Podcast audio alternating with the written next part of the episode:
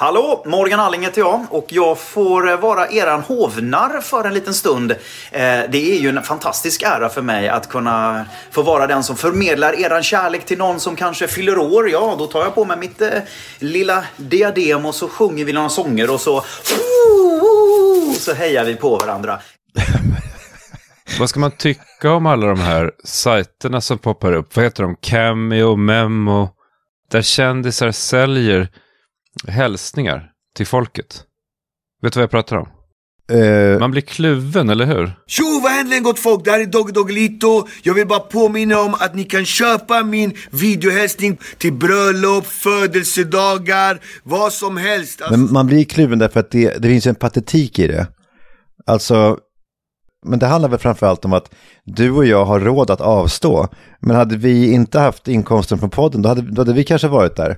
Jag menar bara, vad är det för elitism som vi håller på med när vi tycker att det är generande? Men jag är inte säker på att det är generande.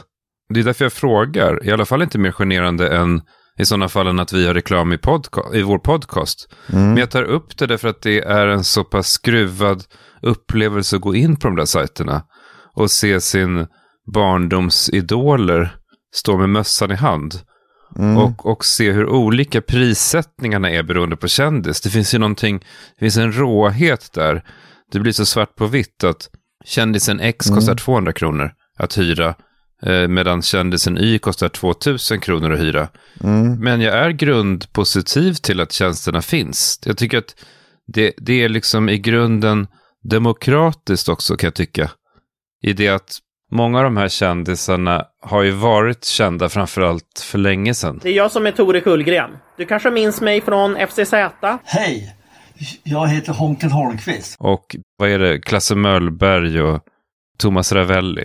Mm. De går ju omkring, hela dagarna går de omkring på stadens gator och Mm. bjuder på sitt kändisskap.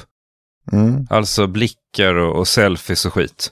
Mm. Och liksom får ingenting tillbaka. Det, jag, jag, jag, kan, jag kan tycka att det, det finns någonting vackert i att de får en slant för att de är de de är, helt enkelt. Ja, men det har de väl fått ändå. Jag menar, I, i, inte ekonomiskt nödvändigtvis. Jag menar, vad fick Klasse Möllberg för att spela Banane 78? nej, men jag menar att Glenn Hysén, som ju, som ju är en kändis från förr, Mm. han kan ju fortfarande liksom göra ett gig på en kryssning till Finland och få 20 000. Ja, okej, men han är, ju, ha- han är ju en av de hetaste namnen. Ja. Nej, men det finns ju andra här. Susanne Reuter. Jag ser att hon, det är halva priset på henne idag. Hej! Susanne Reuter här. Vore det inte toppen om ni som jag också kunde ta det lite lugnt inför julen? Högtiden är ju faktiskt här snart och då tycker jag istället för att stressa och må dåligt, varför inte bara må bra och boka en hälsning till någon som du tycker om? Jag hjälper dig med det. Fattar jag ingenting. vad, vad menar hon? Nu ska vi inte stressa. Istället för att stressa så ska vi gå in på Memo och köpa hennes hälsning. Jag fattar inte, menar hon vi ska inte stressa ut i julhandeln? Utan vi ska köpa memo-julklappar istället? Jaha. Men fan vad, vad oklart. Är det alltid så? Ska vi kolla på Svennis? Vågar vi det? Hello, guys. I am Sven Goran Eriksson, former football coach. I'm now on memo.me, where you can book a personal video message for friends, family members, or even for yourself.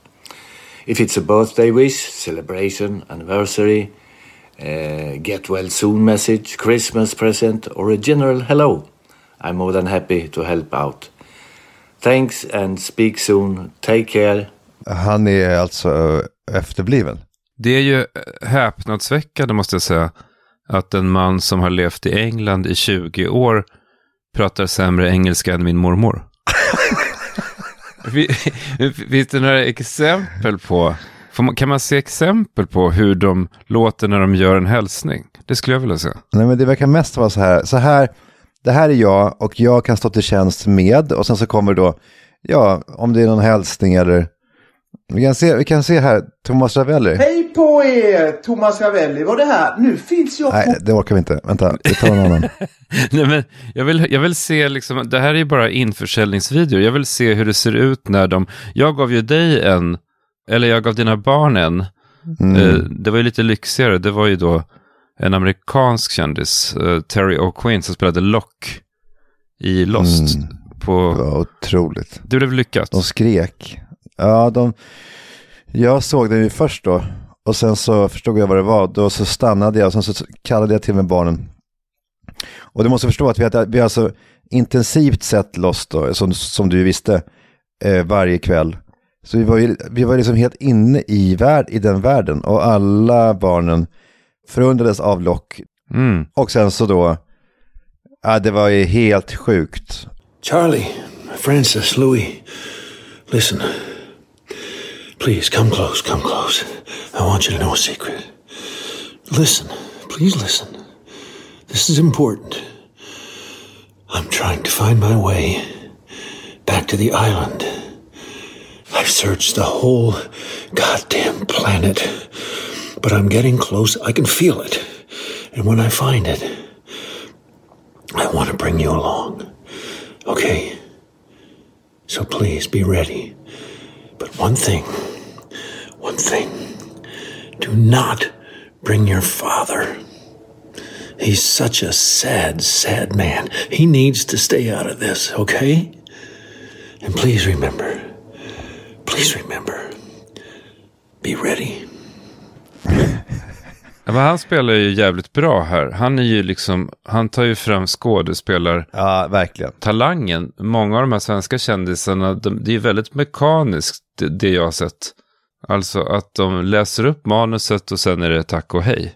Mm. Det känns ju som att affärsmodellen är lite under, underanvänd. Det, det inser man ju när man ser Terry O'Quinn där i videon som jag köpte i USA åt dig. Mm. För han bjuder ju också på en skådespelarinsats. Då har man inte bara hyrt en cirkusapa som läser upp ett manus, utan man får ju känslan av att man får en bit av hans själ. Eller vad man ska säga. Medan på de här svenska sajterna så är det mer som att du hyr kändisens stämband bara i 23 sekunder. Mm. Och så läser de mekaniskt upp det här, ha den äran meddelandet. Jag ser en outnyttjad affärsmöjlighet här. Vi har liksom, vad vad är det, 200 svenska kändisar som befinner sig på en plats i sina liv där de står, uppenbarligen står redo att göra grejer för pengar. Och det enda sättet som man använder den enorma möjligheten på är att man erbjuder folk att köpa ett grattiskort för 200 spänn. Vad menar du? Alltså vad skulle man göra då? Varför inte liksom istället för Memo, Slavo. Alltså man betalar kändisen för att göra något mer specifikt. Mm. Alltså tjänsten man köper av kändisen skulle ju kosta mer än 300 kronor då såklart. Men det skulle ju öka intäkterna för både sajterna och kändisarna. Vad menar du? Att, alltså vad skulle det kunna vara? Ja, alltså möjligheterna är ju gränslösa. Eller möjligheterna begränsas bara av konsumenternas och kändisarnas möjlighet att komma överens om, om vad det de utför är värt. Och, och kanske lagboken då. Ja, men här ser jag faktiskt att det finns några exempel på hur det faktiskt låter. Vem vill höra? Montazami, Hussein, Edvard Blom, Ola Conny eller Jockiboi? Ta vem som helst. Kära Ola. Jag heter Alexandra Pascalido och jag har fått den stora äran av Hampus att önska dig god jul.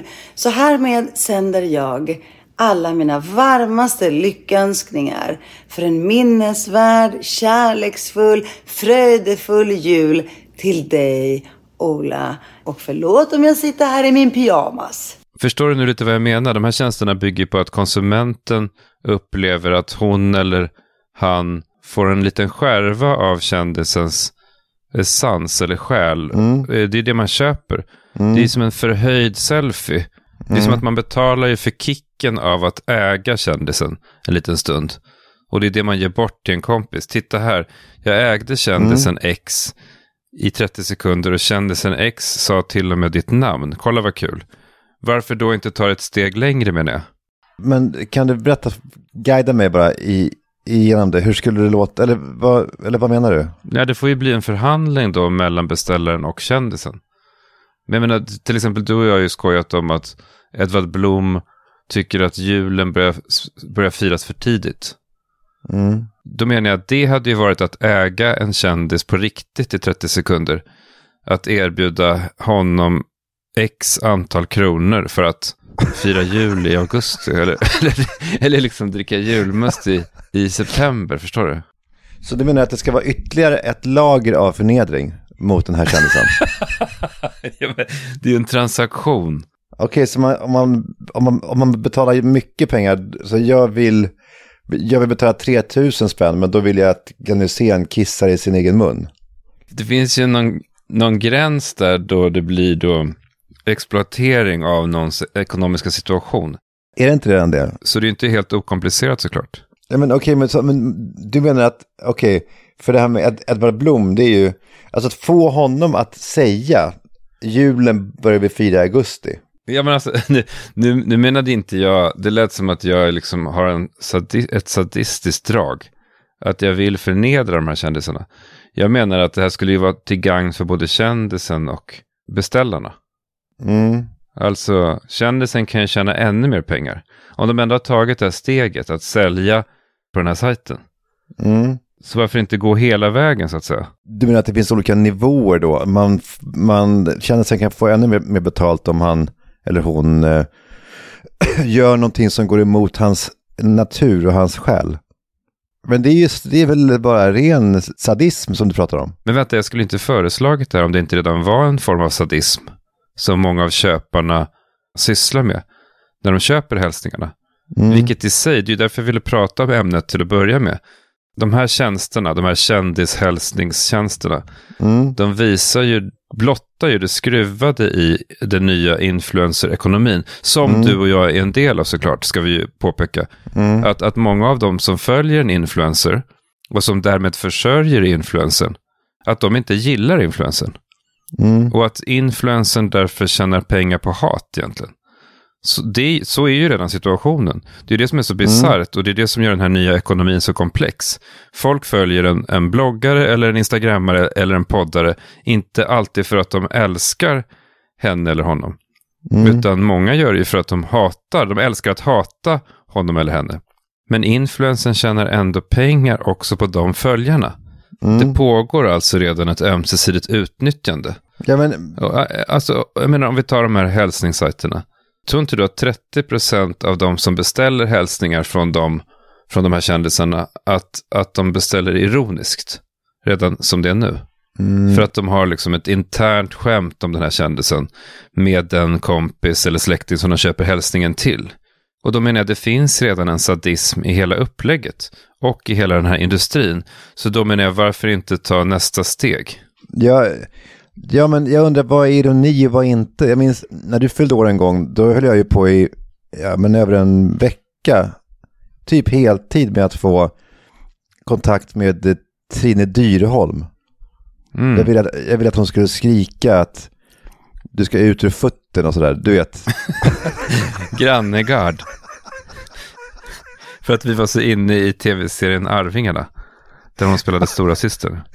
Ja. Fan, tänk om du hade lyckats. Det hade varit så jävla kul. Du må inte blivit kvar på Grannegard. men det hade ju varit ironi på ett plan, men ändå, det hade varit otroligt starkt va? Att Ja. du hade fått se det. Nej men kolla här, Pe Peder Greven Fogstrand, Stureplans ikon. Ja, men det är ju bara, det är ju klart att det är ironi ja. Av mig kan du boka en hälsning. Ja, det finns ju inte så många som idoliserar honom där ute. Nej, det finns, du, du, du har rätt i det att du, du har rätt i det att på Memo finns det inte så många idoler, så alltså folk som verkligen är idoler till, till människor. Alltså det, det är inte så många som säger, jag är besatt i eh, Tore Kullgren eller Nej, vad, vad, vad tror du om, om man kunde köpa att se kändisen sova live? Men, Alltså om du, om du, du har inte så många idoler. Har du några svenska levande idoler? jo men Claes Eriksson i Galenskaparna. Ja, precis. Du fyller ju år nu. Mm. Om en vecka. Tänk dig då att du på din födelsedag får av mig ett presentkort. Där du till exempel får i present att se Claes Eriksson sova en natt. Alltså sova via live-länk med honom på skärmen. Mm. Istället för en kort grattisvideo så får du honom för dig själv där. Han säger godnatt, han vinkar och sen somnar han. Och sen så kan du se hans sovande kropp på skärmen tills han vaknar. Jag, nu spånar jag bara här, men, men jag menar, det här är bara ett exempel på att det skulle ju kosta mer då såklart. Men då får du också mer av kändisen. I det här fallet hans lugna andetag i natten. Men hur, hur vet du att han sover lugnt? Alltså det skulle kunna vara... Han... nej, nej, men förutsatt att han erbjöd den tjänsten alltså. Sov med mig. Jag vet, men han skulle ju kunna vara riden av massor med ångest då. Jo, men det blir ju också en upplevelse för dig. Du hade väl i alla fall, alltså om du öppnar det presentkortet och det står att du ska få sova med Klas via länk. Mm. Det hade väl du tyckt var kul liksom. Och det, för honom är det ju inget större arbete. Han behöver bara slå på webbkameran. Men jag fattar faktiskt inte. Ska jag vara vaken då? Eller ska jag, ska jag sova? du vaknar ju till kanske ibland och, ja, och... och ser honom sova. och så blir du lugn och somnar om. Men jag såg att hans kollega finns ju på en av de här sajterna, Jan Rippe. Han är ju där och säljer gratis. Du skojar? Nej. Klicka på honom. Vad va fan? Vänta, var då någonstans? Fan vad sjukt. Han är tydligen sin karaktär i macken. Ja det är jag, jävlar. Här kommer en födelsedagshälsning från mig. Roger på macken. Ja visst, tänk på 18-årsdagen och allt. Vilken härlig dag. Ja må du leva, ja må Här du känner man ju leva, direkt ja liksom en instinkt leva att slänga in en hundring extra för att han skulle vara sig själv. Ja men för att sjunga en annan sång kanske? Eller, eller vad som... Men han är ju någon slags idol. Om du tänker fritt kring vad de här sajterna skulle kunna vara. Det är inte jättekul att han läser upp bara. Ja. Om jag skulle ge dig, Jan Rippe läser upp en lapp som jag har skrivit. Mm. Det är inte jättekul. Hade det inte funnits något roligare menar jag som du skulle vilja se honom göra? för en extra peng. Det är så jävla konstig idé. Det är ju för Jan Rippes skull jag pratar om det här. Jo men okej men så här. Hej det här är Jan Rippe. Nu ska jag ta en tändare och bränna bort håret på min bröstkorg. Nej men då är du ju inne på sadismen. Jag tänkte mer liksom det att beställningen skulle vara så här, Jan Rippe berätta om dina innersta demo demoner. 900 kronor. Men, men jag fattar inte som att hej det här är Jan Rippe. Jag, jag sörjer att jag aldrig, var, varför kunde jag aldrig älska? Eller, eller vad det nu är. Exakt, för nu är det ju bara en, det är en sån hundraprocentig illusion. Mm. Vad tror du om det omvända då? Alltså, man betalar kändisen för att se en film som man själv har spelat in. Då tar man ju sig in i kändisens liv. Men får man, verkligen. får man en, får man en, får man, får, får man en film då på när han ser den, eller hon? Ja, det är det man betalar för. En reaktionsvideo. Vad skulle du göra då? Alltså du, du betalar 40 000 för att, för att Bob Dylan ska se en halv minut. Okej, jag har också bara 30 sekunder på mig. Ja. Då är det ju på den nivån att man liksom vill ta sats och springa rakt in i en vägg. Sen när man vaknar till liv så är han borta då. Men då får man, man får spa, man får en nedladdningslänk då till, till den filmen där man ser honom ta sig för pannan typ. Jo men han skulle väl bara, oj, jag stänga av bara? Men du, han får inte stänga av. Det är ju en del av dealen. Nej, nej, nej. Men han, han tittar på dig, du tar sats, full sats och brakar in i en vägg och så faller ihop i en hög. Medvetslös. Medvetslös. Och han tittar där då på dig när du ligger. Ja, då får han inte stänga av förrän efter 30 sekunder. Så det är ju 20 Nej. sekunder då Dylan är liksom förvirrad och obekväm. Och... Skakad. Jag sa ju att det fanns en affärsidé här.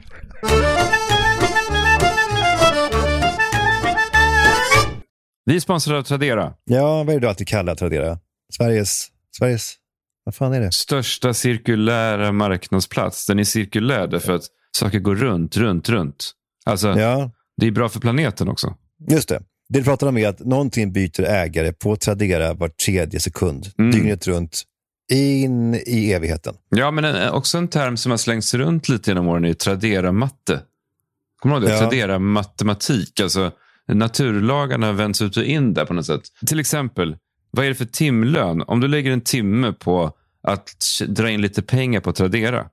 Ja, det, är en Mm. jävla, det kan bli en jävla timlön. Det kan bli en ordentlig slant om du vänder dig runt i rummet eller promenerar runt i lägenheten eller går upp på vinden och kollar. Lägg en timme på att kolla vad du kan sälja på Tradera. Det är en bra timlön. Ja, jag tycker också att det är spännande. Alltså framförallt om det, alltså inte om, man- inte om det är sådär någon grej som man köpte förra veckan som man lägger ut. För då har man fortfarande kostnaden i sig på något sätt. Mhm. Men om det handlar om, det handlar om en, eh, en, ett, ett, eh, ett plagg eller någon, liksom en, en iPhone som jag köpte för fem år sedan. Då är Ja, den eller två år sedan. In, eller två år sedan. Då är den kostnaden inte kvar i mitt system.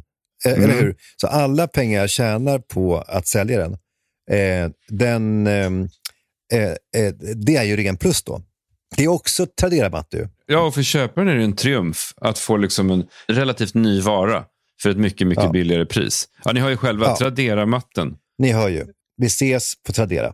Ja, där dina gamla grejer är dina nya pengar, så att säga. Tack Tradera! Hej, hej. Tack. Hej. Vi är sponsrade av Clas Olsson och eh, Mm. jag ge ett litet tips nu i, i liksom utestädningstider, alltså när det är dags snart då att eh, ta fram utemöblerna och kanske titta till den här altanen som man inte har sett på ett halvår. Du pratar om den här tidpunkten på året om man röjer bort vintern. Ja. Som snart kommer. Ja. Ja, och sen så gör man då eh, sig redo för liksom de här långa utesittarkvällarna där liksom solen aldrig riktigt går ner. Där aftonrodnad skrider mot morgonrodnad. Det blir aldrig riktigt mörkt. Nej, men det som jag köpte på Clas Ohlson i Visby för, ja, det var faktiskt åtta år sedan nu eller så, sju, åtta år sedan. Det var en högtryckstvätt. Ja, du menar det är inte bara för proffsen, det är också för privatpersoner? Ja, ja herregud ja. Och när jag drar den här jäveln över stenläggningen på min uteplats, du vet, där bakom ladan. Mm. Då får jag ju bort, för det har ju liksom kommit, det är nästan som en beläggning, en färgbeläggning av löv som har liksom färgat Mm. ner sig i själva stenen. Alltså det känns som att det här kommer jag aldrig få bort. Och så sprutar jag och det finns fan ingenting mer satisfying än att se allting försvinna och den här eh, eh, glimmande kalkstenen återvisa sig. Det har varit den bästa, det har fan varit en av de bästa köpen i mitt liv alltså. Bilar då? Vadå bilar? Kan man köra den på bilar? Nej, Högtryckstvätten? men är du dum i huvudet? Har, har, du, har du aldrig använt en högtryckstvätt? Nej. Alltså, om man ska tvätta en bil så är det det absolut bästa man kan göra, använda en högtryckstvätt. Trädgårdsmöbler? Men jag fattar ingenting. Du vet väl vad vad en högtryckstvätt är för någonting? Ja, nej, men jag vet inte om den är så, har så högt tryck att den skadar saker. Nej. men, men, man kör på. ja, men med till exempel gamla trädgårdsmöbler som, har, som är målade så måste man bara spruta Mm. med lite större avstånd. Alltså, så man får inte gå så Ja, nära. okej, jag fattar. Ja, eh, så är det i alla fall. Gå in på clasolsson.se och eh, spola fram våren. Tack Clas Ohlson. Tack. Hej, hej. Hej, hej. Vi är sponsrade av Tormek. Ja, om jag får ta över. Eh, ta över. Jag har ju haft en Tormek i ett halvår, så jag vet exakt hur den funkar. Jag har aldrig varit den här typen som har skickat in liksom, knivar på slipning. Eller, alltså, jag köper en bra kniv och sen så går det tre månader och sen så är den slö helt enkelt. Ja, för Tormek bygger upp kvalitetsslipmaskiner för vassa äggar. Knivar. Ja, precis. Men för privatpersoner. Alltså, det är, ingen, det är inget Mm. industriellt. Den är satans snygg så att Amanda har gått med på att den också, också står- framme. Så den står alldeles vid spisen. Känner du dig proffsig då? Nej, men proffsig. Alltså, det, det som är sant, det är alltså att när jag är färdig, då kan jag skära rakt genom papper. Jag kan alltså låta egentligen kniven bara luta sig lite mot, alltså äggen mot en tomat och så går den rakt igenom. Den blir så jävulsk vass. Det första du gör är att du slipar upp en, en, en rå ägg, som det heter, på den här slipskivan som väl är typ, alltså det är en diamantslipskiva. Och sen så Mm. bryner du ner den här eh, äggen via den här brynskivan. Och så har du en satans vass kniv. Jag skulle vilja uppmana alla att, att gå in och titta på den och se, se hur det går till. Det, det, finns liksom inte, det går nästan inte att förklara. Ja, det kan ju inte bara vara jag som har då låda efter låda fyllda med eh, slöa knivar. Och Nej, så köper menar man nya knivar istället för att köpa en Tormek. Nej, men det, Så dumt. Gå in och läs mer eller beställ den eh, på eh, shop.tormek.com, alltså T-O-R-M-E-K.com. Och eh, gör det nu och använd också vår kod. Den är ganska bra den här koden. Den är saftig. Ja, 600 spänn rabatt på eh, Mm. den här eh, modellen som heter Tormek T1 Kitchen Knife Sharpener. Och eh, koden då, när ni går in på shop.tormek.com eh, så eh, använder ni koden AlexSigge600. AlexSigge600. 600 spänn rabatt. Och när ni har gjort det här så kommer ert matlagningsliv bli, bli så mycket roligare. Jag kan lova er det. Underbart. Tack Tormek! Tack Tormek! Hej hej! hej.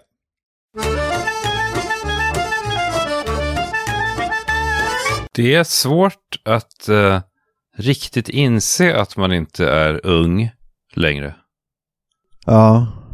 Eller så här, det är lätt hänt att man tror att världen är densamma som den var när man var ung. Det är lätt att glömma bort att man inte riktigt har samma koll som man en gång hade. Jag vet inte, jag glömmer inte bort det. Jag tänker på det ganska ofta numera. Okej, men så här då. Man vaknar på morgonen och man är i princip ålderslös. Och man tänker att man förstår världen, för det har man ju gjort i åldern 20 till 40. Man, man förstod hur folk pratade och hur folk tänkte. Men så plötsligt under dagen så ser man något eller hör något i media eller någonstans som gör att man hajar till. Mm. Och så påminns man om att världen är inte samma värld. Mm. Och då pratar jag inte bara i kulturen, utan att världen också bokstavligen ändrar form. Jag tänker på det när jag är i Stockholm, eftersom jag är där så relativt sällan. Att det till och med dyker upp nya byggnader eller butiker som man har älskat försvinner, Mm. eller klubbar man har gått på, eller favoritrestauranger som, jaha, nu är det en skoaffär istället. Jag vet Mm. inte om det riktigt fanns i min föreställningsvärld när jag var yngre. Jag fick till exempel en chock igår när du berättade att Hedengrens är borta. Den här platsen som jag har tillbringat säkert tusentals timmar på sedan jag var 15. Ja, alltså bokhandeln där på Stureplan. Den, den finns, den har bara flytt, den har ju flyttat då. Den finns ju kvar. Mm. Eh, uppmanar alla att gå dit. Den, den ligger inne i Sturegallerian nu. Just det, men den lokalen där den låg förut mot, mot svampen där är nu tom och öde. Ja, där ska det bli Sturehov. Mm. Och det är ju som det ska vara. Mm. Men det är svårt ibland. Mm. Man har tänkt, någonstans har man tänkt att så som världen är så kommer den alltid att vara. Jag eh, kollade på SVT Kulturnyheterna häromdagen och såg, en, såg ett inslag om att Astrid Lindgrens böcker minskar i popularitet bland barn. I alla fall ljudböckerna. Mm. Och eh, också SVT Kulturnyheterna verkade förvirrade och, och chockade över så. Det kan väl inte hända? Och försökte få svar då på det här.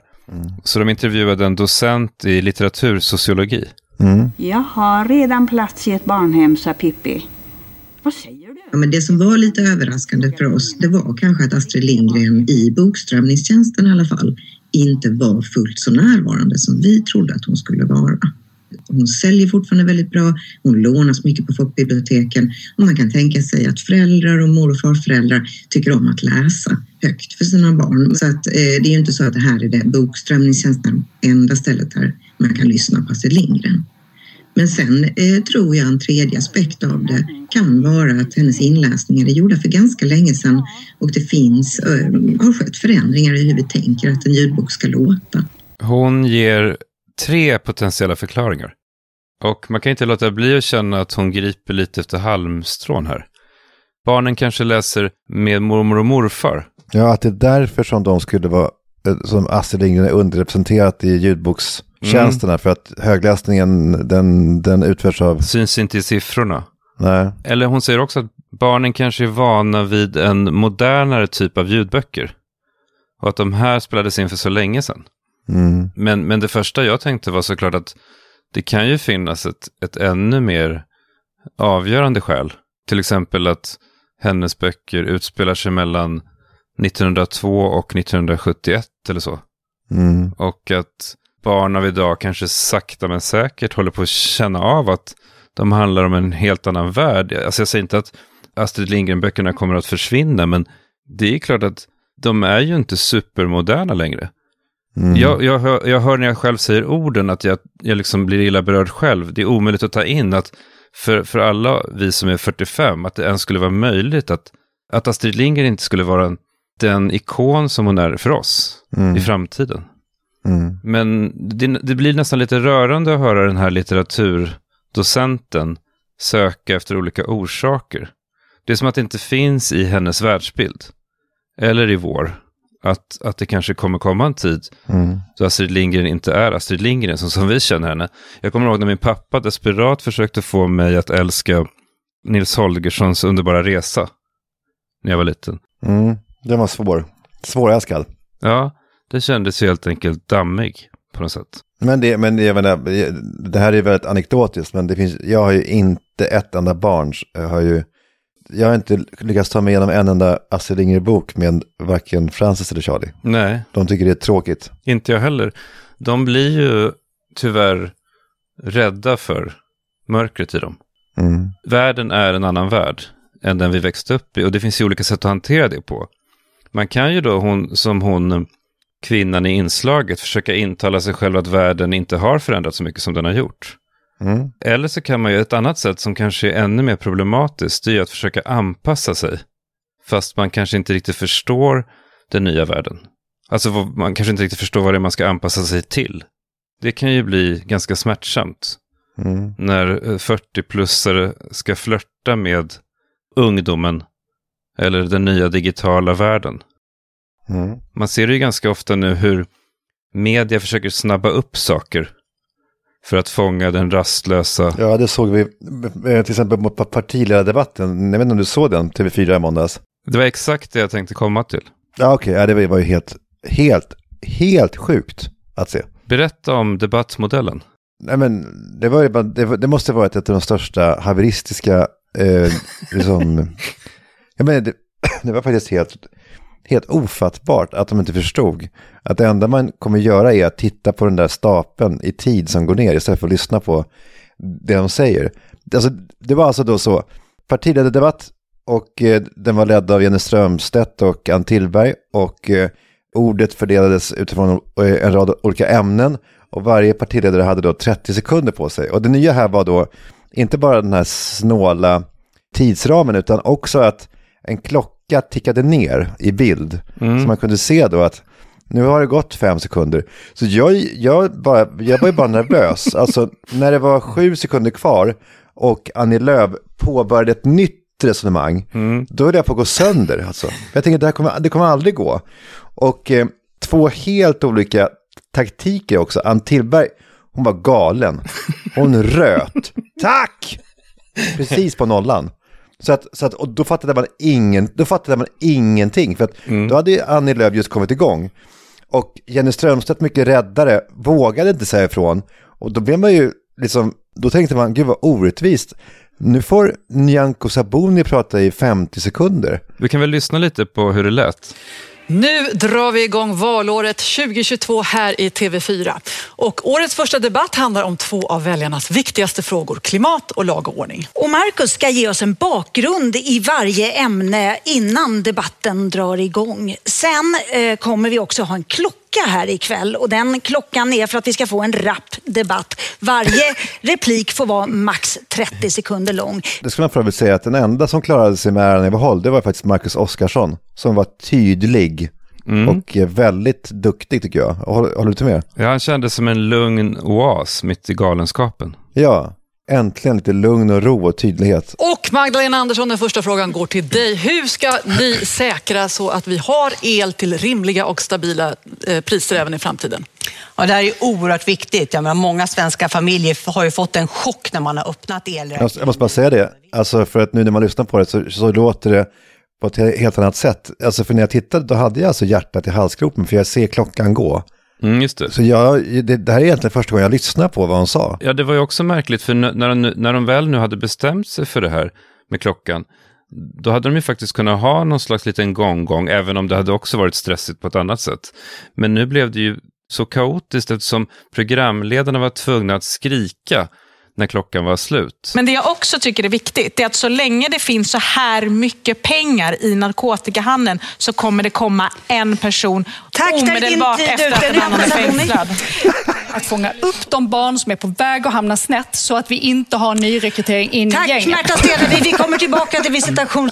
Men jag tycker inget Tack, parti har Nooshi svarat på. Dadgostar, Nyamko Sabuni. den på innan vi kan lösa den här Tack, situationen. Jimmy Åkesson. Magdalena Andersson, blir ett område tryggt? Trygghet in i området. Tack, eh, Nyamko Sabuni. Ditt parti åtgärder. Det är inte Tack, bara utsatta Busch, områden. Nooshi. Forskning från Danmark nu. Att Tack, ja, Märta Stenevi. Annat än slippa Tack så skjutningarna mycket, i Jimmy områdena. Åkesson. Säkerhet heter. Tack, Magdalena Andersson. Svenska barn Tack, klara Nyamko skolan. Sabuni. Nu- i dessa områden. För att vi ska kunna Jimmy knäcka Åkesson, har gängen. inte socialtjänsten en uppgift? Och lagstöd Tack, för att Ebba kunna få Busch. det skydd de behöver. Vi behöver ju bygga Sverige starkt. Tack, igen. Så Magdalena Andersson.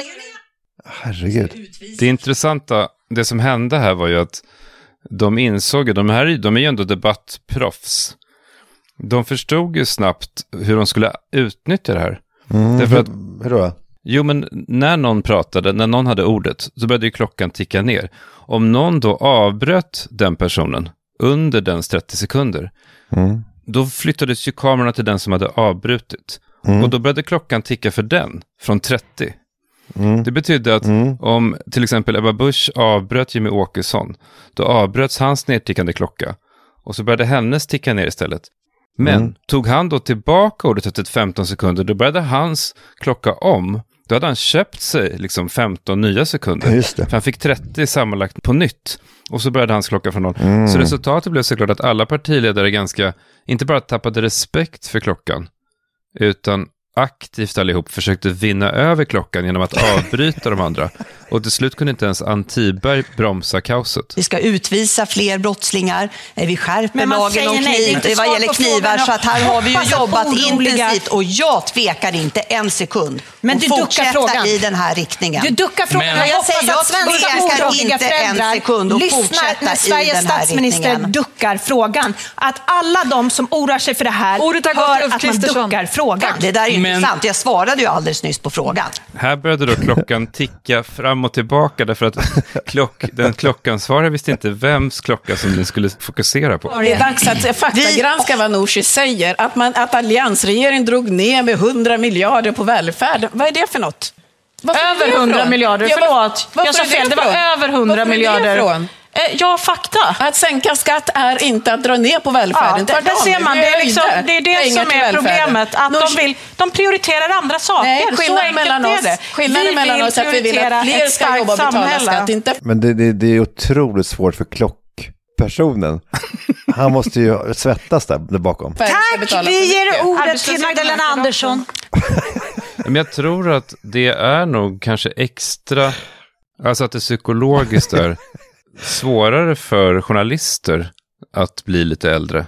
Alltså för, för vad är medias, eller en- mediamänniskas jobb, eller en journalists jobb är ju att ha koll. Mm. Och då är det klart att det kanske blir lite extra skrämmande för en sån person att en dag vakna upp och inte ha samma koll. Och så blir det lätt krampaktigt när en sån person ska försöka göra någonting samtidsenligt eller försöka skruva in samtidens frekvens. Mm. Följer du P3 Nyheter på Instagram? Nej, borde det? Ja, det är rätt fascinerande um, Instagramkontot alltså. Inte själva radioprogrammet, det finns det inte så mycket att säga om. Det är ju bara det är ett klassiskt um, nyhetsradioprogram. Mm. Men för att skaffa unga lyssnare, gissar jag, Mm. så har man då skaffat Instagram och lägger då ut i sitt flöde där lockande rubriker varje dag. Mm. På ett ungdomligt, inom citattecken, ungdomligt språk. Mm. Och det intressanta är ju att det blir då tvärtom ett extremt gammalmodigt språk. När en redaktör som jag gissar är 45 eller så, ska vara ungdomlig. Och jag säger 45 därför att det här är ord som jag känner igen från 80-talet. Man får känslan av att redaktionen har tänkt, hur pratar ungdomar? Hmm, låt mig dra mig till minnes hur jag pratade när jag var ungdom, 1991. Mm. Några exempel. Eh, när eh, man rapporterade om att forskare för första gången hade lyckats kartlägga dinosauriernas ändtarm och deras ringmuskel Mm. häromsistens. Du kan ju läsa rubriken. Mm, här ja. Dinosaur... Nej. Men gud. Dinosauriernas daimkryss nu beskrivet. Du kan läsa ingressen där också. Eh, forskare har för första gången någonsin lyckats beskriva och till och med rekonstruera en dinosaurisk ballongknut. Ett annat exempel. Eh, när Peter Nyheter rapporterade om att en amerikansk forskare hade upptäckt att delfinhonor har en klitoris som liknar människans. Delfinens me, me, Delfinens megaklitta detaljstuderad. Och eh, när man skulle rapportera om att prins Carl Philip och prinsessan Sofia väntade sitt tredje barn. Bakar kunglig knodd. Knodd, det är nästan, det är nästan vår föräldrageneration. Ja, verkligen. Jag känner inte igen det. Nej, det, det känns nästan som, som ett 50-talsord. Samma sak här när, när, när Peter Nyheter rapporterade om att Moderaterna föreslog att man ska kunna beställa hem alkohol när man köper hem hämtmat. En kebab och en flaska rödpang att ta med. Ja, men det, för det här är ju inte... Det här, vad, vad, vad händer här? Det, för att det, kan, det, kan, det här kan inte vara en 45-åring, det finns ingen chans. Rödpang, det var ju sånt som vi, när, när, vi, var, när, när vi var 17, Ja. skojade om att våra föräldrar pratade om. Vad är förklaringen då? En förklaring skulle vara att det är en 22-årig redaktör som försöker få in 50-plussare till Peter-nyheter. Men, det, Men är inte det här en 82-årig? Alltså någon... det måste ju vara en 82-åring. Nej men alltså, jag, jag, jag gör säkert, eller du också säkert, gör ju säkert massa misstag som inte vi tänker på. Det finns säkert massa 23-åringar som lyssnar på den här podden som tycker att, att vi ibland låter krystade, att vi försöker Mm, säkert. att inte låta föråldrade. S- Språket säger så otroligt mycket om ålder. Jag tänkte också på det när jag hörde om militärskandalen i Enköping förra veckan. Då tänkte jag direkt, de där befälen är 45 år. Vad var det för någonting? Därför det där är 80-tals skällsord. Ja, det var en jätteskandal när värnpliktiga i Enköping larmade och berättade att de hade blivit kallade olika skällsord av befälen. Efter larmen om missförhållanden på ledningsregementet i Enköping börjar det nu komma fram fler detaljer om vad som hänt. I en intern rapport om händelserna som Ekot läst framkommer att de värnpliktiga bland annat ska ha kallats apor och utvecklingsstörda. Johan Gunnarsson är ordförande i Pliktrådet som representerar de värnpliktiga. Det är helt fel av befälen att säga så här till de värnpliktiga. I mitten av december skickades 500 värnpliktiga hem från ledningsregementet efter att det kommit fram uppgifter om kränkningar. Men fram till nu har inte många detaljer kommit fram. Men i en internrapport som Ekot tagit del av framkommer nu konkreta exempel på hur de värnpliktiga behandlats på ledningsregementet i Enköping. Och så kommer det nu fram beskrivningar om vilka ord som befäl använt mot rekryterna. De ska ha kallats korkade, hemlösa, missbildade, utvecklingsstörda och apor, står det i den interna rapporten. Hemlösa? Pliktrådets ordförande Johan Gunnarsson poängterar att de här problemen inte enbart finns på ledningsregementet i Enköping. Det är ju liksom, det här är ju skolgården i Akalla, 87. Mm. Utvecklingsstörda, missbildade, eh, alltså funktionsnedsättningar. Mm. Alltså sen dess har ju svärorden sexualiserats mycket mer. Mm. Jag kollade faktiskt upp, eller jag googlade och läste en artikel i tidningen Läraren om vilka svärord som används mest. Och det är ju då, det är primärt sexuella termer. Mm. Eller sexuella hot. Jag ska knulla din mamma, jävla hora och sånt. Mm. Medan det handlade mer om, ja men typ funktionsnedsättningar på vår tid. Mm. Jag tänker också på en annan sak angående min egen ålder när jag hör inslaget. Apropå svärorden här, att den generationen, alltså om inte annat de här värnpliktiga, de har ju verkligen ett vapen som inte vi hade Mm. när vi var i den åldern. Vad? Att de via orden kan angripa det egentliga problemet. Och låtsas, höll jag på att säga, låtsas som att det är orden som är problemet. Mm. Alltså det blir väldigt konkret att någon har kallat dem utvecklingsstörda eller korkade. Men det är ju inte det som är befälens stora brott här. Eller hur? Utan det är ju, det vidriga är ju aggressiviteten bakom termerna. Mm. Jag har ju, jag vet inte, du gjorde aldrig lumpen. Nej. Men du har ju massa kompisar som har gjort lumpen.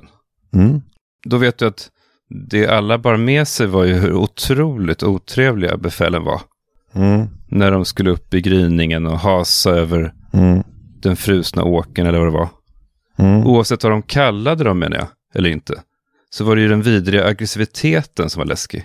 Mm. Och den är ju mycket svårare att anklaga. Därför menar jag, Mm. idag när orden har sån vikt, Mm. när, vi, när vi lägger vikt vid ord, så har ju 20-åringar idag en jävla fördel. Därför de kan säga att de kallade mig utvecklingsstörd. Mm. Och hävda att det, var, det är det som är problemet. Fast problemet är ju egentligen sättet som befälet skrek utvecklingsstörd på. Mm. Alltså när vi gick i högstadiet till exempel. Mm. Om vi hade haft det vapnet, att man kunde anmäla lärare för vissa ordval, så hade det varit ett otroligt användbart vapen. Men vi kände ju bara en allmän skräck för vissa lärare för att de var så aggressiva. Mm. Och det var väldigt svårt att liksom konkretisera det när man skulle berätta om det för föräldrarna eller, eller någon överhet. Men vad är det du säger här då? Alltså, jag, är, vad är tesen? Att, var var det bättre förr eller är det bättre idag? Eller? Det är absolut bättre idag. Eftersom nu finns det ett sätt att fälla ondskan. Eftersom det äntligen finns något konkret Mm. i anklagelsen som folk lyssnar på. Och det är orden. Och det är ju nytt i jämförelse med historien. När ord inte har vägt så tungt. Jag, jag bara noterar då att i det här klippet att det inte är egentligen orden som är problemet, tror jag alltså. Baserat på min egen Mm. uppväxt och min egen skolgång Mm. och så vidare. Jag tror inte att det är orden som upprörde de här offren, de här värnpliktiga primärt. Utan en långt pågående aggressiv stämning. Mm. Men, men jag, jag tycker att det är bra att de påstår att det är orden. För det lyssnar ju folk på idag. Så att vi kan komma åt ondskan bakom orden. Därför det, det, det, det är ju det enda sättet. Att, att, om de bara skulle säga så här, det fanns ett aggressivt kraftfält som var osunt och ohälsosamt. Där de här orden bara är toppen på isberget. Då skulle inte det låta lika tungt som att berätta att vi blev kallade för hemlösa. Mm. Jag pratar om det här därför att det här är ett ytterligare exempel på hur världen förändras och hur språket förändras. Och hur din och min generation försöker klara sig i den eller förstå den, anpassa sig till den. Mm. Och eh, om vi ska gå vidare, de kanske tydligaste exemplen på 45-åringars vilsenhet som man ser, det är ju såklart eh, när teknik kommer på tal. Därför att för oss heter det fortfarande så. Teknik. Mm. Det är som att vi tänker på teknik som någonting som är frånskilt vardagen. Som man använder i vardagen som ett verktyg. Medan för yngre så är det såklart så att tekniken är vardagen. 20-åringen tänker ju inte, nu använder jag teknik här. Mm. Och jag ser det här varje dag på olika sätt. Det är en, en, en ganska generande upphetsning hos din och min generation när teknik kommer på tal. Därför att såklart, vi hade ju ingen teknik att tala om när vi var barn. Jag såg en så jävla, jag såg ett så jävla roligt exempel på det här igår. På om det var Rapport eller Aktuellt. Mm. Hur ett sjukhus i Skövde nu experimenterar med en docka som kan prata. Som läkarstudenter kan öva på. Jag, har inte hört dem. Nej, men då ser man att de här 25-åringarna som ska öva på dockan är eh, relativt oimponerade. Därför det är ju egentligen bara en skyltdocka med en högtalare i. Medan de här 50-åringarna som har skapat dockan är eld och lågor bakom kulisserna. Mm. När de sitter och skriker och stönar och är dockans röst i någon slags laboratorium bakom. Mm. Jag mår, jag mår illa! Jag mår illa! Oj, Vad fan är det som händer? Jag, jag ingen... Vad är det du ser? Hej Anders. Men jag, jag fattar bara inte. Det det är en kvinna vid en skärm som, som ropar att hon mår illa. Hon pratar in i en mick. Alltså uppfinnarna, gänget bakom dockan, alltså som är runt 50, de står hukade runt massa skärmar i ett labb. Hur går det med dig? Bra. Mår du inte bra? Och eh, Men, de, de, alltså, så de, de, de är dockan. De, de är roboten eller? Ja, det som de säger spelas upp Från dockan. i, i en annan del av sjukhuset inuti dockans bröstkorg. Aha, okej. Som om det är dockan som pratar. Och så står då studenterna runt dockan. Jag får ingen luft. Får du ingen luft? Ja, nu får vi se. Nu, nu, nu, nu är det en scen inifrån det här rummet där, där dockan är. Jag får ingen luft. Får du ingen luft? Vi ska se, vi ska höja lite grann bakom huvudet på dig. Jo, den här nya dockan är ju avancerad. Vi kan lyssna på lungljud, vi kan mäta blodtryck, tarmljud. Vi kan sätta sonder, den kan kissa, den kan blöda. Tycker du att dockan ser mänsklig ut? Ser ut som... Nej, men det ser ut som en docka, helt enkelt. Ja, men en sån här knulldocka från 70-talet. Ja, exakt. Det blir verkligt på det sättet också att vi vet inte vad som kommer hända när vi kliver in i rummet. Vi vet bara en liten, liten del. Det är spännande. Man är alltid jättenervös innan man går in här. Men sen så när man är klar sen så känns det mycket bättre. De är bara vänliga ju mot de här... Det, så, det, det märkliga med hela projektet är ju att om man nu ändå måste ha fem personer som styr dockan och som pratar live via dockan, varför kör de inte bara en skådespelare som ligger där då? Ja, verkligen. Jag mår, jag mår illa! Han är lite cyanotisk på läpparna. Vi kanske behöver sätta en syrgas. Känner du att du får upp det eller? Jag får ingen luft! Du får ingen luft? Jag får inte! Det roligaste är att se på henne, skådespelaren där bakom skärmen, för hon går ju verkligen in i det. Ja, det blir nästan som en så här sorglig symbolisk bild av den här döende äldre generationen som ligger där i skepnad av dockan. Och så de här medkännande 23-åringarna som står i en halvcirkel runt. Ja, jag är nu fast i OS. Mm. Det, det, jag trodde inte det skulle hända faktiskt. Jag tänkte att det där, var- det där var man när man var ung. För det minns du väl va? Mm. Under, under olympiska spelen när man var tonåring och inte hade så mycket för sig. Att man kunde liksom slå dank i hemmet och, och bara fastna. Ja, det var också en närhet till eh, framförallt pappan. Mm. Att titta på sport tillsammans. Var det pappakraften som drog då? Mm. Kan man säga. Pappakraften var stark under OS. Mm. Och där satt ni. Mm. Du också? Eh, jag också, absolut. Och framförallt när det var, när det var sommar-OS och friidrott. Och pappa pratade om Paavo Nurmi, minns jag väldigt starkt. Men hur funkar det med tiden? Alltså är det nattetid då som du smyger upp? Eller tittar du på repriser? Nej, jag går upp i natten för att se curling och liksom hockeymatcher och skidskytte och sådär. Jag, jag, eh, jag, jag, det finns ingen tid, men jag tar den då helt enkelt. Och när det är finaler på mo- morgnar och förmiddagar så då går jag avsides på mitt kontor och kollar i, Mm. i, i någon skärm. Nej, men jag, jag, jag hade ju tänkt att inte titta en sekund på OS. Aldrig varit så oladdad. Men sen så hamnade jag då i lördags framför eh, skridskoloppet, så 5000 meter, där eh, Nils van der Poel vann. Såg du det? Nej, jag har bara tittat på alpina åk. Men du vet vem han är och vad som hände och sådär? Nej. Okej, ja, men det var ju någonting, eh, det var ju någonting helt, liksom helt otroligt faktiskt. Alltså, Nils eh, van der Poel var ju då guldtippad, men eh, han skulle då åka sist av alla. Och det var någon holländare som hade gjort ett djävulskt bra lopp eh, innan honom. Mm. Så alla andra som åkte efter den här holländaren, de, de kom långt efter honom. Och så var det bara Nils van der Poel kvar. Och det är det som är det fina med skridskor. Alltså jag kunde ingenting om skridskor innan, men nu, alltså att, att man liksom går, att, att det är varvtider. Mm. Och varvtiderna, de, de räknas ju rakt emot liksom, den personen som är etta i loppet. Mm. Alltså på, på, alltså på det här varvet så hade holländaren 29,5. Då måste ju helst Nils van der Poel ligga på 29,3. Mm. För att han ska liksom ligga före den här holländaren i varv efter varv. Ja, men det är som utförsåkningen, att, att halvtiden blir då jättespännande, för man ser att personen ligger minus 0,26 sekunder, eller plus. Ja, precis. Men i eh, slalom och sådär så är det ju eh, två mellantider. Här är det ju Mm. eh, varvtider eh, liksom om och om, om igen. I liksom Mm. 20 varv, 30 varv. Så det är, som ett, det är som ett lopp där man liksom hela tiden går mot en klocka. Man tittar nästan mer på klockan än på loppet. Och så ser man hur åkaren då förhoppningsvis hyvlar ner tidsdifferensen. Ja, men det som då hände i det här fallet var ju tvärtom, att han hyvlade upp den på något sätt. Alltså han började inget bra, låg efter holländaren och tappade egentligen varv för varv. Så blev han bara lite, lite sämre än den här holländaren. Och eh, när det var fem varv kvar då, det hördes liksom på kommentatorerna, på liksom ljudet i, alltså på läktarna att nu är det över. Mhm. Det går inte. Man kan inte, man kan inte ta igen tre sekunder på tre varv. Det är ingen som klarar av det.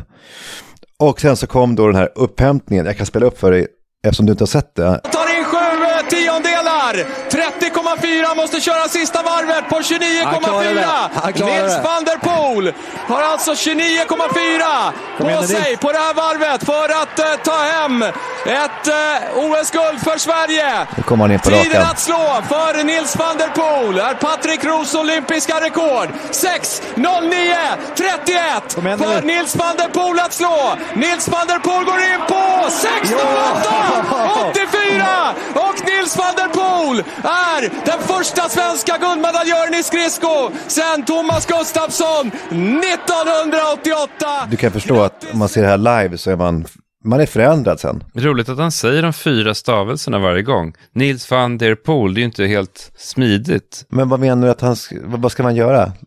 Bara säga Nisse? Nej, men jag tänker att någon med så många stavelser brukar få ett smeknamn av kommentatorer. Som vadå då? Nej, Men, Polen. Polen? Vad vet jag? Jag, jag? menar att det lät mäktigt. Det blev som ett mantra, att han sa Nils van der Poel om och Mm. om igen. Nils van Ja. der Poel. Ja, det var, ja, men det var faktiskt helt otroligt. Och ehm, jag, blev, jag blev imponerad alltså. Och får man säga besatt kan man väl säga alltså, av honom för att det, det kändes så jävla lätt när jag såg honom. Och eh, inte bara då sportsligt utan också kommunikativt. Alltså när han pratar om vad han har gjort så känns det lätt. Alltså jag har aldrig varit med om en sportperson där jag inte har, liksom, ha- har den här gnisslande ångesten när jag lyssnar på någon intervju efteråt. Mm, mm. Mm, För det har man ju vant sig vid. Pratar han i presens? Nej, men det är det han inte gör. Alltså, de här klyschorna. Alltså, om man ser någon som har, någon som har spelat fotboll eller sådär. Och de pratar om att vi står rätt i positionerna eller det var uppförsbacke eller de gav 100% och de jobbar och sliter. Och eh, ett riktigt exempel på det här, eh, jag, jag kan spela upp det också bara så att vi får en liten, liten bakgrund. Så här låter det då oftast. Det här är då He- Henrik Larsson i fotboll, det här är alltså inte OS, som då tränade Helsingborg och åkte på en blytung förlust och eh, blir då int- intervjuad. Och ska, ska då förklara i presens varför allting gick snett. Henrik Larsson, hur summerar du den här matchen från er sida? Ja, vi ger det ett ärligt försök idag. Uh, Vi ger det ett ärligt försök idag, säger han först. står rätt i våra positioner första halvlek. Uh, Står rätt i våra positioner i första halvlek. Vi är aggressiva. Uh, lite oflyt att vi inte får iväg eh, rensningen ordentligt och sen spelar vi hem bollen och det är 2-0 och då är det uppförsbacke. Uppförsbacke är också typiskt ju. Men jag tycker att vi är, uh, vi ger den en ärlig chans idag. Vi är 100% allihopa. En ärlig chans. Ehm, Till skillnad från de här matcherna där de gav den oärlig chans. jobbar på bra och sliter och ger inte upp eh, ja, från egentligen när de gör 3-1. Så att, eh, jag är väldigt eh, nöjd med killarnas inställning, eh, arbetsinsatsen. Och sen så måste vi lära oss att, att vi eh, måste göra det svårare för motståndaren. Gör det svårt för motståndaren. Mm, det är bra. Det är, bara, det är en lång rad av eh, alltså riktigt eh, svårsmälta klichéer som gör att jag går sönder. Hej älskling. Och eh, jag vill bara spela upp det som en bakgrund då, därför att efter vinsten, efter att Nils van der Poel har vunnit 5000 meter på det här gigantiska sättet. Polen. Polen ja, så blir han intervjuad och han får då frågan om uppoffringar, alltså alla de här enorma uppoffringar som han måste ha gjort därför att han har tränat så hårt. Mm. Vänskap som inte kan underhållas, alltså fritidslivet som är borta och ja, allting. Alltså hur går det till är frågan då. Eh, Och då så svarar han då, och jag ska läsa upp hans svar nu, ord för ord. Mm. Det här är alltså vad han säger med, med andan i halsen egentligen efter, efter loppet. Mm. Eh, jag tror att det är viktigt att behöva förstå att man inte gör det för en guldmedalj. Oavsett vilket liv man väljer att leva så offrar man saker. Så är det. Så fort man väljer att gå åt ett håll så har du också valt att inte gå åt andra håll. Det är grundförutsättningen för att gå någonstans överhuvudtaget. Men på den stigen som man går så får man ju uppleva alldeles fantastiska saker. Även fast det är uppförsbackar så är det också väldigt fin utsikt när man kommer upp. Och det är väl det som gör det värt det. Att få vara med på den här resan med människor man tycker mycket om. Då blir det inte så himla betydelsefullt var den slutar. Jag är väldigt glad för den här medaljen jag har runt halsen och att det har tagit mig hit. Men varför gör man det? Jag tror att vi väljer inte våra drömmar, de väljer oss. Sen är det upp till oss att välja om vi vill förverkliga dem eller inte. Och det verkar som att människor som försöker förverkliga dem mår bättre. Ja, jag hinner inte med på allt.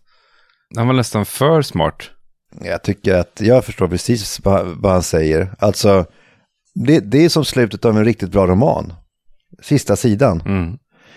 Ja, men det, han är ju helt unik. Ja, vad är det här för person? Alltså jag bestämde mig då för att jag, jag eh, viger nu mitt liv åt honom.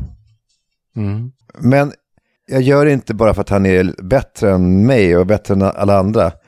Utan därför att han är också precis som vi alla andra. Det händer en otroligt spännande sak en stund efter vinsten när han gör eh, fler intervjuer. En annan intervju med en mindre utländsk kanal. Mhm. Och eh, han blir då intervjuad, det här är en tv-intervju, jag jag ska spela upp den. Och eh, mitt i intervjun så ringer eh, Magdalena Andersson. Jaha, för att gratulera. Ja, och jag är så förvånad, jag visste inte att det där ägde rum. Visste du det? Men det är den nya given. Ringde inte kulturministern upp Pernilla Wahlgren också? Varför, varför gjorde hon det? För att förmedla att de var påt. Jaha. De skulle ordna det här med kulturen. alltså, de ligger inte på latsidan. Alltså det här var ju i november då när Mm. kulturvärlden var som mest upprörd. Ja, Lisa Nilsson var väldigt arg. Det kanske var lite märkligt att hon ringde upp just Pernilla Wahlgren, men Ja, det var också en av dem, väl, en av dem som verkligen kanske har en slant över och inte led något alldeles fruktansvärt av eh, pandemin. Får man väl säga. nej, men hon kanske tänkte, vem har glappkäft? Mm. Vem kommer att berätta för ja, kanske. 300 000 följare Ja, men så var det också. att jag har ringt? Mm. Men Polen är ingen glappkäft. Det, det råkade bara komma på band. Det råkade komma på band. Han, ja, men jag vet inte, det som händer när han får, eh, när han då blir intervjuad, det kommer in någon och säger Excuse me, is it the Swedish Prime Minister? med en telefon. Då tar Nils telefonen och säger han, ursäkta mig. Och sen så, eh, sen så trycker han på spiken, så han vill ju ändå dela med sig av samtalet. Och eh, jag, vet, jag, jag vet inte, men när jag tänker mig, du vet, när Carl Lewis vann dubbla guld i OS 84 och, och Reagan alltså, så ringer upp. Mm. Jag tänker mig att det är nivå på det. Ja. Det är liksom good job son. Och Carl Lewis är liksom stjärn. Att det är så, de har sina tydliga roller liksom. Och att de kan spela dem i ett sånt samtal. De är också ett team där och då. Ja, exakt. Alltså de tillsammans är liksom prins och kung Ja, verkligen. i Camelot. Men det här då, det här samtalet, det gör så ont att lyssna på. Det är, det är liksom, jag vet inte om det är, händer det här, ba, är det bara, är det, är det här, är det det här som är det svenska? Jag kan inte, jag kan inte, jag kan knappt lyssna på det. Jag spelade upp det för Amanda och, eh, i morse och hon var tvungen att fly för att det gör så ont. För att det, det skaver och det, det är liksom, det, det, men jag, jag, jag kan inte ens Ja. förklara det alltså. Jag tror att du måste lyssna på det. Mm, gärna. Excuse me, excuse me guys, Swedish Prime Minister. Ja, ja ursäkta. Hej, det var Nils. Oj, vänta. He- Hej, nu är det Nils. Jag vill, eh, ja, jag vill gratulera till eh, OS-guldet och på rekordtid dessutom.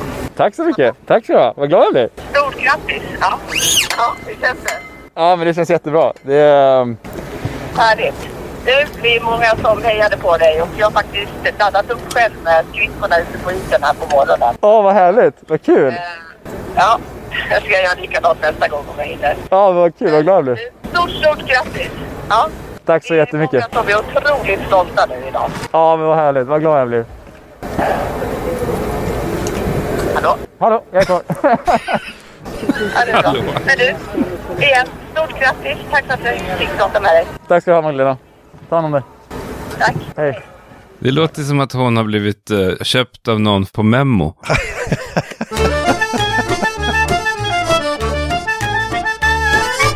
Vi har ett betalt samarbete med Swave nikotinpåsar. Det här meddelandet riktar sig till de som är över 25 år och eh, som redan använder nikotinprodukter. Ja, Swave innehåller nikotin som är ett väldigt beroendeframkallande ämne. Mm. Och det kommer i åtta olika smaker och i två olika styrkor och format. Ja, i slimformat hittar vi Swave Aviation eh, som har en smak av viol kombinerat med en ton av körsbär. Ja, och vill ni veta mer om Swave så kan ni gå in på nico.com som stavas N-I-Q-O.com.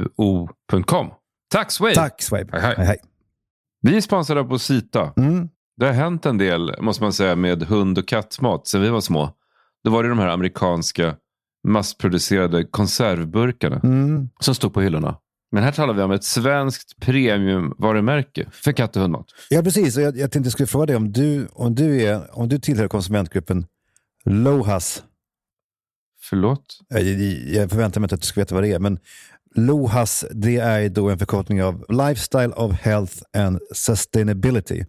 Alltså Hälsa och hållbarhet. Ja, alltså människor som är intresserade av hälsa och hållbarhet och som föredrar mat som är tillverkad i, i Sverige med, eh, eh, med naturliga ingredienser. Både maten som de stoppar i sig själva och maten som de ger till, sina husdjur. Ja, du hänvisar till att deras, allt, allt, all deras hund och kattmat lagas i deras kök i Vårgårda. Ja. Med 100% förnybar energi. Eh, Precis, det är både hållbart och eh, hälsosamt då. Nej, men för att jag, Mm. jag, jag nämner det därför att eh, Sverige ligger väldigt högt eh, i LOHAS. Alltså, eh, det det är alltså mer än 40 procent av svenska folket som tillhör den här gruppen som tycker att det är viktigt. Mm. Och eh, det här, det här är ju hela Bositas grundidé helt enkelt. Mm. Alltså naturliga ingredienser, 100 procent förnybar energi och allt avfall omvandlas till biogas. De- har också sett till då att transporten av det här fodret är miljöcertifierat.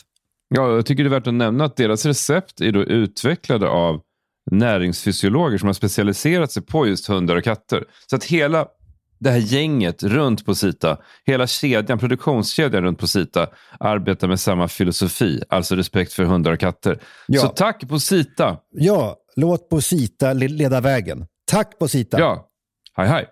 Vi är sponsrade av Boka Bord. Ja, berätta. Och eh, det, är, nej, men det är så jävla skönt tycker jag. Det är skönt när, när spotten säljer sig själv, när Jag vet. produkten säljer sig själv. Man behöver inte säga så mycket. Det sägs ju nästan i namnet. Bokabord.se. Jag vet, jag vet, men jag älskar att de har tagit det the other way around. Alltså att, att, Mm. liksom, att man då, istället för att tänka så här, var ska jag äta ikväll med min fru? Ja, jag är lite, jag är lite intresserad Mm. av restaurang Rish. Och så ringer man och kollar, nej, det var fullt där. Jaha, vad ska jag då göra? Och så kommer man på en ny restaurang, ja, där var det fullt också. Istället för att hålla på och ranta runt sådär så går man in på Boka Bord så ser man exakt vilka bord finns, alltså vilka bord finns det ikväll? Var finns det bord i min närhet? Ja, ja, du säger ikväll nu, men man kan också... Det jag har gjort ibland är att sitta på söndagskvällen och boka in luncher också. Mm. Alltså så man har dem alla i appen på ett överskådligt sätt. Sen är det snyggt tycker jag att man kan lägga in då sitt kreditkort i appen en gång för alla. Mm. Man behöver göra det en gång bara, sen kan man använda det varje gång du vet när restaurangerna kräver kreditkort som säkerhet. Det är, det är ju ganska vanligt nu för tiden att restauranger vill ha det. Alltså om man vill äta middag eller så. Det är, det är skönt att slippa den krångligheten för kortet ligger redan där. Ja, håll, håll inte på att hatta runt och ringa och, och staka er i telefon. Utan Nej, nej. Är ni sugna på att äta lunch eller middag, gå in på bokabord.se. Tack bokabord.se. Hej, hej. hej, hej.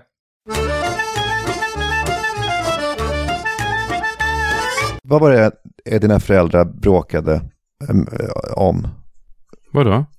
i barndomen? Alltså, vad, alltså fanns det ett, gener, ett återkommande tjafs?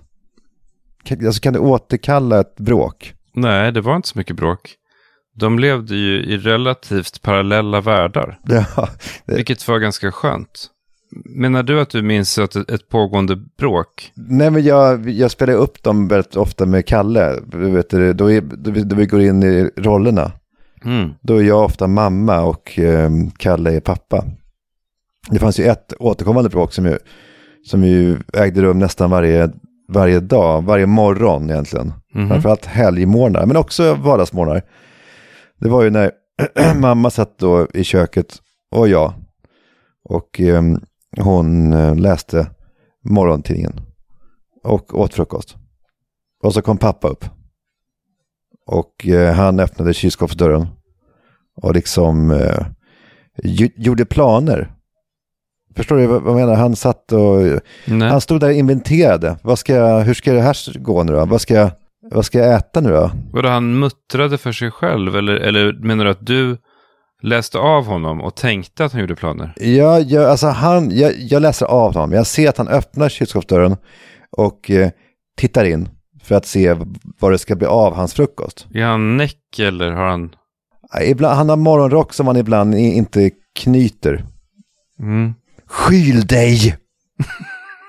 kan mamma säga då. Mm. Men det är inte det som är bråket då. Utan han står där och så får han syn på någon, eh, någon förpackning, eh, skärk som han öppnar. Ja, det är skinka. Och så... Wow, det finns en liten bit kvar från fylleslaget igår. Va? Ja. Jaså? Och så tar han, så tar han några skivor, äter dem stående. Och sen så får han syn på en bit korv kanske. Ja. Och... ehm, Där ser man. Ja. ja, och den går ner. Och, ehm, och jag sitter ju och tittar på det här. Och jag tittar på mamma. Och jag, tittar på, och jag ser då att mamma har då avbrutit sin läsning. Och eh, med en äcklad blick och öppen, nästan häpen Mm. eh, mun. Så tittar hon då på pappa. Och på vad han håller på med. Och till slut då, när han har stått där en stund och ätit. eh, Då märker han att det är någonting som inte stämmer. Han känner vibbarna. Han känner vibbarna. Och ehm, då säger han, är det något problem? Var han är stridslysten? Ja men han... Vad då? Precis. Hur så? Nej, men han, märker ju, han märker ju som du säger vibbarna. Och eh, han säger då, vad är det? Är, är det? är det något? Och då säger mamma, nej, nej, nej, nej. Och då säger han, gör jag något fel? Är, är det något fel jag gör här? Och då säger mamma, varför kan du inte ta mat med dig, stoppa den på en tallrik och sätta den ner till, i bordet och äta? Varför måste du stå där som ett djur? Det låter som att hon fick liksom näring av hat. det är för att jag menar, i ett äktenskap, om det ska hålla så, så, så väljer man ju att blunda för vissa saker. För att slippa konflikter. Mm. Men det låter, i dina berättelser så låter det som att hon tvärtom rotar i varbölderna hela tiden. Jesus! ja, ja men så då, då är då, då är liksom, då, då är stämningen för frukosten satt. Pappa gör sin macka. Han slår sig Ja. ner mitt emot henne vid köksbordet, jag sitter där också. Och eh, sen börjar han då sätta i sig. Och eh, när eh, mamma då noterar mängden mackor, han tar en och, sen så går han och tar en till. Och när han då tar en tredje mackan och slår sig ner, då säger mamma då, Gud vad du äter. Gud vad du äter. Ja. Och då kommer explosionen då. Då säger pappa, låt nu mig! Låt mig vad? Ja, alltså äta. Ja, låt nu mig äta tre mackor. Ja. Så att, så att när jag sitter och äter lu- lunch med Kalle, då, då han äter lunch och då säger jag, gud vad du äter. Och då, säger, då skriker han över hela Brillo, låt nu mig! Och så skrattar vi så, hy- hy- hysteriskt. Låt nu mig! Låt nu mig! Rakt in i ballongknuten, eller vad hette det? Ska vi gå på rödpanget nu? Ja, det är ändå fredag. Och det betyder en vecka till nästa avsnitt! Vi ses då! Vi ses då för ni! ni hänger med! Does the club shut? All I want is pizza. I just want some pizza. All I want is pizza. Does the club shut? All I want is pizza. I just want some pizza. God, I'm really drunk.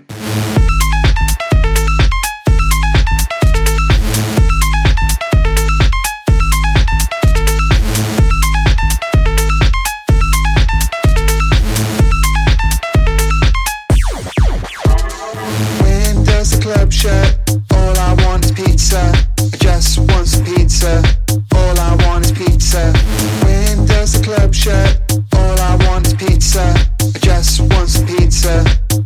really drunk.